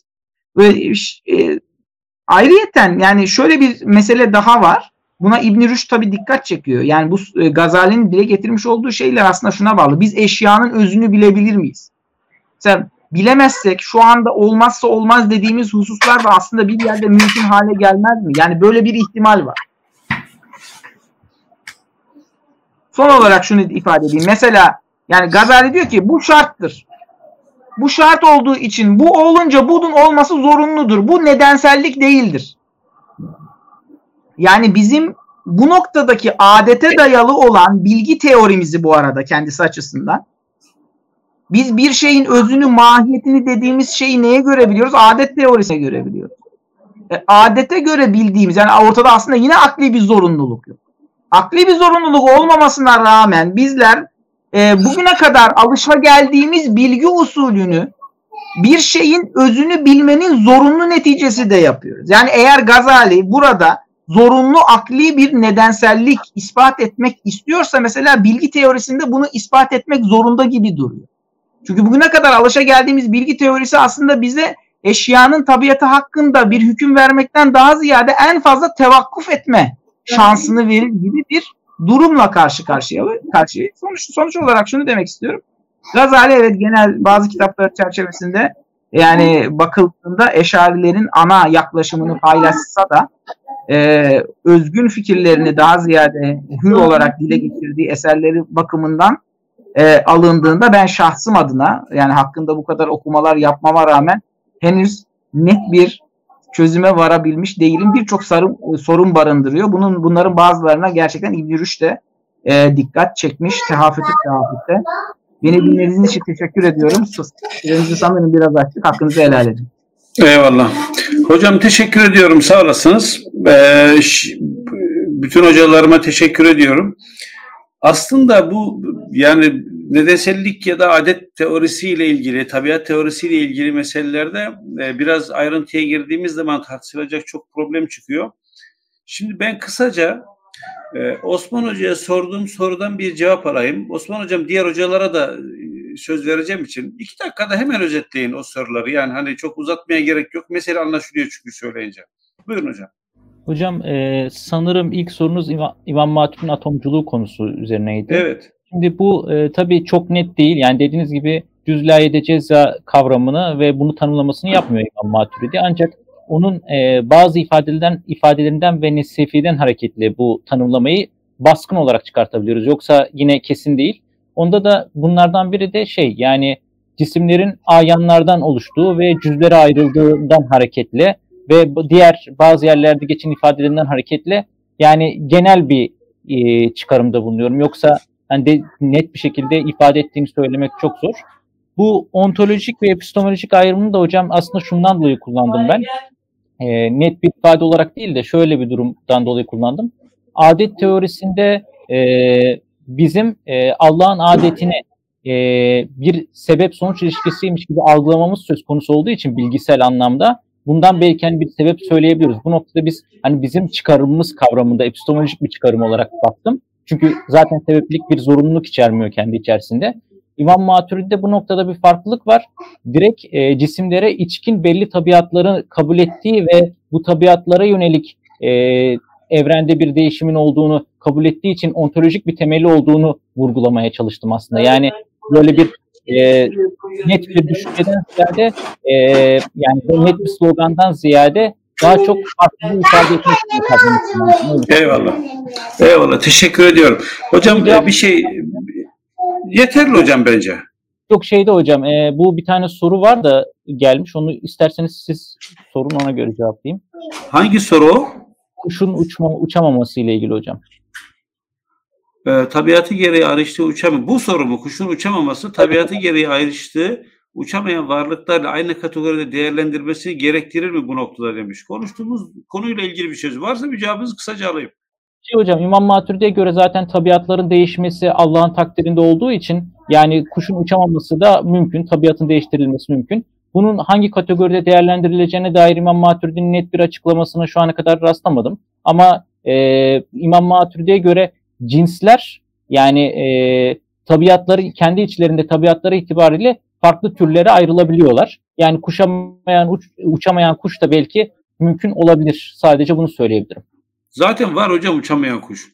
Yok hocam şey anlamında hani İmam Maturidi düşüncesinde e, nasıl açıklanacağı konusunda söylemek istiyorum. Yani şöyle, e, teşekkür ediyorum Osman Hocam. Bu e, yani konuştuğumuz bağlamda bu adet kavramıyla tabiat kavramı hocam e, oraya biraz dakikleştirmek gerekir. Çok ayrışmıyor gerçekten. Yani böyle ne neye tabiat diyoruz, neye adet diyoruz çok ayrışmıyor. Çünkü zaman zaman kelamcılar farklı dil kullanıyorlar, farklı kelimeler kullanıyorlar. Ama kelimeleri dakik bir şekilde izlendiğimiz, izlediğimizde nereye gittiğini tam olarak yani e, takip ettiğimizde aradaki farklılıkları felsefi farklılıklara dönüştürmek zorlaşıyor. Sonuç itibariyle kudret fikrine varıyor bu yani. Fikret Hocam diğer hocalara söz vermeden önce size bir şey e, söylemek ve sormak istiyorum. Ha Osman Hocam bu sebeplilik kavramının kullanımında dikkatli olmak lazım açıkçası. Yani sebeplilikle illiyeti Türkçe'de çok ayrıştırmamız zor. Ee, mesela sebeplilikte bir zorunluluk içerilmiyor. İlliyette zorunluluk içeriyor şeyi aslında çok dakik bir kullanım olmayabilir. Aklınızda bulunsun. Bu sebeplilik kavramını kelamcılar fıkıhtan taşıdıkları için rahat kullanıyorlar. Usulü fıkıhtan taşınıyor bu. Usulü fıkıhtan taşındığı için bunu çok da rahat kullanıyorlar. Ama usulü fıkıh da bunu kullanırken unutmayın fakihler bunlara aynı zamanda illet diyorlar. Ve gerçekten hükmü gerektiren müessir unsur olarak değerlendiriyorlar. Hatta Şatibi muvaffakatta Hatibur Rey diyor, şey İbni Hatibur Rey diyor Fahrettin Raziler için bu diyor ilahi fiillerde illiyet olmadığını söyledi. Onlar kelamcılar bunu söyleyebilirsin. Fakihler için bu bedihi bilgidir. Bunun üzerine devam ederiz biz diyor. Yani e, meselenin kelami cihetiyle böyle fıkhi cihet biraz farklılaşıyor. Onlar da yani daha başka ayrımları yaparak kullanmak makul olabilir. Çünkü karışıyor gerçekten. E, maksatlar aklınızda bulunsun. Fikret Hocam bu Gazali'nin Neyse Filipta Ebda Mimma Kan sözünün birkaç tane kaynağı var. Buradaki hani şart meşrut ilişkisi bağlamında zikrettiğiniz meselenin de birkaç kaynağı var. Şimdi bu Neyse Fil İmkan Ebda Mimma Kan'ı Gazali iki yerde çok belirgin söylüyor. İktisadın sonunda İhya-i Ulumiddin'de. Her iki metnin de blok halinde kaynağı e, Ebu Talip Mekki'nin Kutul Kulübü unutmayın. Blok halinde. Metinler blok halinde oradan alınıyor. Bu cümleyi söylediği metinler. Kutul Kulüp'ten geliyor. Bu, met, bu meselenin aynı zamanda kelam geleneğinde bir karşılığı daha var. Meseleyi değerlendirirken kudret fikriyle ilişkilendirin diye söylüyorum. Aynı zamanda bunun daha öncesinde yani bu filozofların e, meşhur cümlesi öncesinde e, mutezile geleneğinde aslah prensibiyle bir karşılığı var. Yani bunun kelam geleneğinde kadiri muhtar anlayışıyla çelişmeyecek bir formülasyonu var. İlahi zatın kendi kendine vücubiyet e, gerektirmesi anlamında. Tercihiyle vücubiyet gerektirmesi anlamında. Meseleye buradan bakınca olay sadece felsefe değil kelam geleneği de ilişkilendiriliyor. Bir diğer mesele Şimdi eşari gelenekte aslında genel olarak kelam geleneğinde daima ezeli olan bir bilgi ve bu bilginin gereğini icra etmesi problemiyle öbür taraftan Allah'ın kaderi muhtar olup nesneleri dilediği gibi şekillendirmesi problemi arasında bir irtibat var. İlmi bilemediğimiz için oradaki zorunluluğu buraya taşıyamıyorlar. Yani biz ilahi ilmin içeriğini bilmiyoruz. Yarın Allah ne yapacak bunu bilmiyoruz yani. Dolayısıyla biz Allah bunu biliyor halde bunu yapacak diyemiyoruz. Ama saf bilginin kendisinden baktığımızda olmuşu başka bir yani aklen imkana dayandırsam bile o imkanın vücudi yönüne dayandıramıyorsun. Vücudi yönden ayıramıyorsun. Yani akli imkan olarak birçok şey olabilir. Ama ilahi ilmin ihtiva ettiği vücudi imkanı, vücudi imkan bu anlama gelmez de ben anlatmak için kullanıyorum. Alternatifi belirlenmiş olan imkan açısından baktığımızda eğer orayı bilseydik zaten başka bir şey olmayacağını idrak ederdik. Yani işin böyle bir tarafı var kelamcılar açısından. Gazali'yi değerlendirirken bunu dikkat almak gerekiyor. Aklınızda bulunsun diye söyledim bunu. Sadece bir şey sormak istiyorum. Sebepliliğin kısmi kabulü ne demek? Anlamadım ben. Ee, yani o bilgi teorisinde e, Gazali e, bizim e, bunu zorunlu olarak bildiğimizi söylüyor. Yani benim yani yani şöyle bugün, bir şey mi demek istiyorsunuz? Mesela dördü gördüm, bilmek mutlaka biri, biri bilmeyi gerektirir. E, hayır bu değil hocam. Şu yani onlara yani şimdi kendisine yöneltilen bir ilzama cevap verirken böyle diyor. Diyor ki o zaman sana göre her şey her şey olabilir. Her şey her şey olabilirse o zaman yani din de aslında elden gidebilir bir yerde. Yani senin dün peygamber diye inandığın kişiyle bugün peygamber diye inandığın kişi farklı insanlar da olabilir. E peki bunu nereden bileceğim ben diyor. Bunu diyor Allah bize diyor e, yani bu diyor şu anlamda şey olurdu anlamlı olurdu bu soru. Yani ilzamı o zaman kabul ederdik. Bu mümkün bir olaydır. Bunu kabul ediyorum ama diyor bunun bizde yani bu mümkün olayın vaki olmadığına dair Allah'ın bizde zorunlu bir bilgi yaratması da madem mümkünse o zaman sorun yok diyor. Peki soruyoruz. O zorunlu bilgiyi biz nasıl elde ediyoruz? Yine adet teorisi. Gazali buna adet teorisi net cevabını veriyor mu yoksa müptede evet. bilgiyi mi kastediyor? Evet hocam aynen diyor ki Allah'ın bizde yaratmış olduğu adeten cereyan etmiş olduğu hep aynı şeyi yaşamış olmamızdan hem de tam bunu kullanıyor. Adi zorunluluk yani. Evet tam diyor ki hep bu tekrar ede ede bizim yani e, yersah fi enfusine fi nufusine diyor hatta. Bir tekrir. Yani devamlı tekrar ede bu diyor bilgi diyor bizim nefislerimizde tam öyle bir yerleşir ki diyor biz diyor zorunlu bilgi elde ederiz. Ama bu adet teorisiyle ortaya çıkan zorunlu bilgi. Aslında zorunlu olmuyor yani.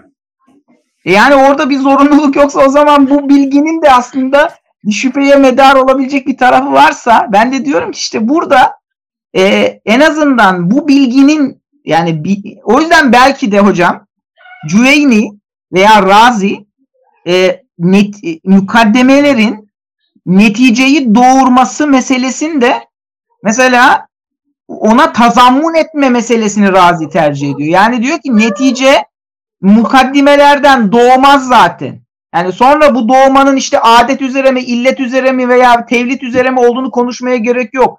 Zaten netice dediğimiz şey aslında mukaddimelerde mündemiç, mütedammin onun zımnında var olan bir bilgidir. Biz sadece bir vücheti nazarla mukaddimelere baktığımızda aslen zımnen bildiğimiz bir bilginin farkına varırız. Dolayısıyla bunun illetini açıklamaya gerek yok diyor. Demeye getiriyor yani Razi.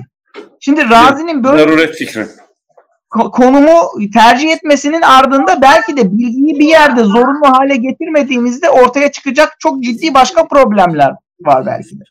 Evet. Eyvallah. Bu Cüveyni ile Razi'nin e, zaruret fikri zaten böyle bir e, şeyi de içeriyor. Yani orada işin doğrusu tazammundan başka bir yol kalmıyormuş gibi görünüyor. Eyvallah hocam teşekkür ediyorum. Hani merak ettim oradaki. Yalnız hocam buna kısmi zor sebeplilik demek uygun değil ha.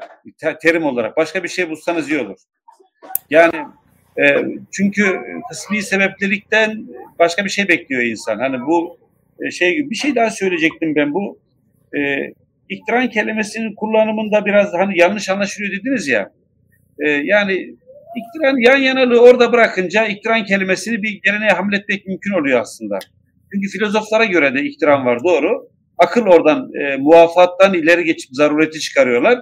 Kelamcılara göre aklın çıkaracağı bir zaruret yok burada. Adam muvafatta, ardışıklıkta, iktiranda, yan yanalıkta bırakıyor yani. Hani o biraz müsamahayla karşılanabilir işin doğrusu. Ee, şimdi e, hocam aslında süremizi bitirdik. Üç dakikada açtık. E, Metin hocamla Hüseyin Kahraman hocama ben e, yani ekleyecekleri bir şey varsa bir son sözü vereyim kısacık. E, birer birer dakika ekleyeceğiniz varsa hocam. E, hocam teşekkür ediyorum. Ben Fikret hocamın o Gazali ile ilgili paradoks ifadesini kullanması dikkatimi çekti. Burada teafütte ben hatırladığım Allah'ın insanda yaratmış olduğu bilginin zorunluluk ifadesi olmadığını, insanların şimdiye kadar mesela evinde bırakmış olduğu kitabın dışarıya çıktığında geldiğinde akıllı bir delikanlıya dönüşmesi ya da bir kedi köpeğe dönüşmesi gibi bir şeyin şimdiye kadar insanın aklında böyle bir bilgi yaratılmamıştır. Bundan dolayı bundan sonraki süreçte de bu kitapların kedi veya da köpeğe dönüşmeyeceğini ama dönüşebilme olasılığının olduğunu söylemiştir. Onun için böyle bir bilgide şimdiye kadar Cenab-ı Allah'ın bizim zihnimizde yani böyle bir şeyin imkan dahilinde yani adet yoluyla bıraktığımız kitabın aynı şekilde devam etmeye dair bize bilgi yaratmıştır. Yalnız bu bilgi zorunlu bilgi değildir. Şimdiye kadarki sahip olduğumuz bilgilerden hareketle bunu da adet yoluyla, alışkanlık yoluyla olduğunu ifade eden nedensellik ifadesinde ziyade mesela biz adet kavramını kullandık. Yani eşarilerde nedensel ilişkinin inkarı yok. Zorun, burada her türden nedensel ilişkide bir gazelde bir imkan durumundan bahsedebiliriz. Burada böyle bir imkan vardı. Şimdiye kadar kitap kedi köpeğe dönüşmedi. Bundan sonra dönüşebilme olasılığı imkanı vardır. Onun için kısmi bir nedensellik durumu yoktu. Sadece bir olasılık, bir imkan vardır diyebiliriz hocam. Teşekkür ederim. Eyvallah, eyvallah hocam. Hüseyin hocam buyurun. Eyvallah. Teşekkür ediyorum Hüseyin Hocam. Fikret Hocam bu mesele zannediyorum karşılıklı söz verirsek uzayabilecek bir mesele. Bence dinleyici arkadaşlardan bir tanesi ya bu mesele çözülebilir mesele. Vukun imkanıyla imkanı vukunu ayrıştırıyor sonradan daha net bir şekilde Gazali'den hareketle Seyit Şerif. Ama işin sorunlu tarafları da var. İşte bu Cüveyni'nin ve Razi'nin zaruret fikrini nasıl anlayacağımız önermelerle sonuçlar arasında kendileri de çok tartışıyorlar. Acaba filozofların söylediğini mi söylüyorlar, ayrı bir şey mi söylüyorlar? Hüseyin Hocam'ın da doktora tezinin konusu buydu. Çok uzun uzun da müzakere ettik. Bence oraya çok e, şey yapmayalım da son bir soru var hocam. E, dinleyicilerden gelen. E, Gazali gibi nedenselliği gözlem ve rasyonaliteye bağlı olarak reddeden David'in batıda olumlu olarak karşılanıyor. David'in beni dogmatik uykudan uyandırdı diğer Kant David'in için. Bu konuda ne dersiniz demiş. Gazali bunları etkilemiş mi? Meşhur bir tartışma ama tek bir cümleyle bir cevap verin kapatalım konuyu yani e, doğrudan David Hume'un bundan etkilenmiş olduğuna dair bir şeyimiz yok. Yani bir bilgimiz yok. En azından bende böyle bir bilgi yok. Ömer hocam sizde varsa siz lütfen Hocam bu David Hume e, kolejde Arapça öğreniyor. Dev, yaşadığı dönemde e, Arapçayı çok iyi biliyorlar. David Hume, John Locke. Bütün bunlar bu kaynakları kullanıyorlar. Batı'daki şey Almanya'daki filozoflar doğrudan mütekellimun diye şeye kelamcılara atıf yapıyorlar. Yani şöyle Gazali'nin adını zikretmiyor ama bu görüş, kelamcıların bu görüşü Batı şey akademiyasında, Orta Çağ'da çok iyi biliniyor. Arapça da biliyor e, yani. Yani bu konuda İhsan Hoca'nın soru soran arkadaşa söyleyeyim. İhsan Hoca'nın hani ikisinin e, yani yola çıkış noktalarının farklı olduğuna dair bir şeyi vardı. Bir analizi vardı. Evet. E, ben soruyu İhsan Hoca'ya sormasına havale edeyim. Evet. E, o daha iyi açılımlar getirebilir bu konuda. Ama sonuçta evet. yani net benzerlik yani şöyle sonuç itibariyle meseleyi ortaya koymadaki net benzerlik elbette ki çok şaşırtıcı yani. Bazı ifadeler var ki yani birebir aynı şeyleri anlatıyorlar. Neredeyse yakın aynı kelimeler. Evet. Hocam e, benim şahsi kanaatimi söyleyip o zaman oturun bitirelim. E, haberdar olmamaları imkansız. Okudukları çok aşikar. Kelimeler olduğu gibi intikal etmiş oraya. E, hem İbn Sina'yı biliyorlar hem İbn Sina, David Hume'un yaşadığı dönemde Arapça, Türkçe karşılıklı basılıyor İngiltere'de metinler var. Gazali metinleri basılıyor zaten. Bunları biliyorlar ama hakikaten görüş etkilemiş olduğunu ben düşünüyorum açıkçası. Yani görüş geçmiş. Fakat şeyleri farklı. Mülahazalar farklı. Yani varmak istedikleri nokta farklı. Birisi bilginin e, imkanıyla ilgili bir tartışma yapıyor. Bilimsel bilginin geçerlilik kriterlerini tartışıyor. aynı zamanda. Diğeri bununla ilişkili olmakla birlikte ilahi kudretin müdahalesiyle ilgili bir tartışma yapıyor. Dolayısıyla sonuçlar da aynı olmuyor.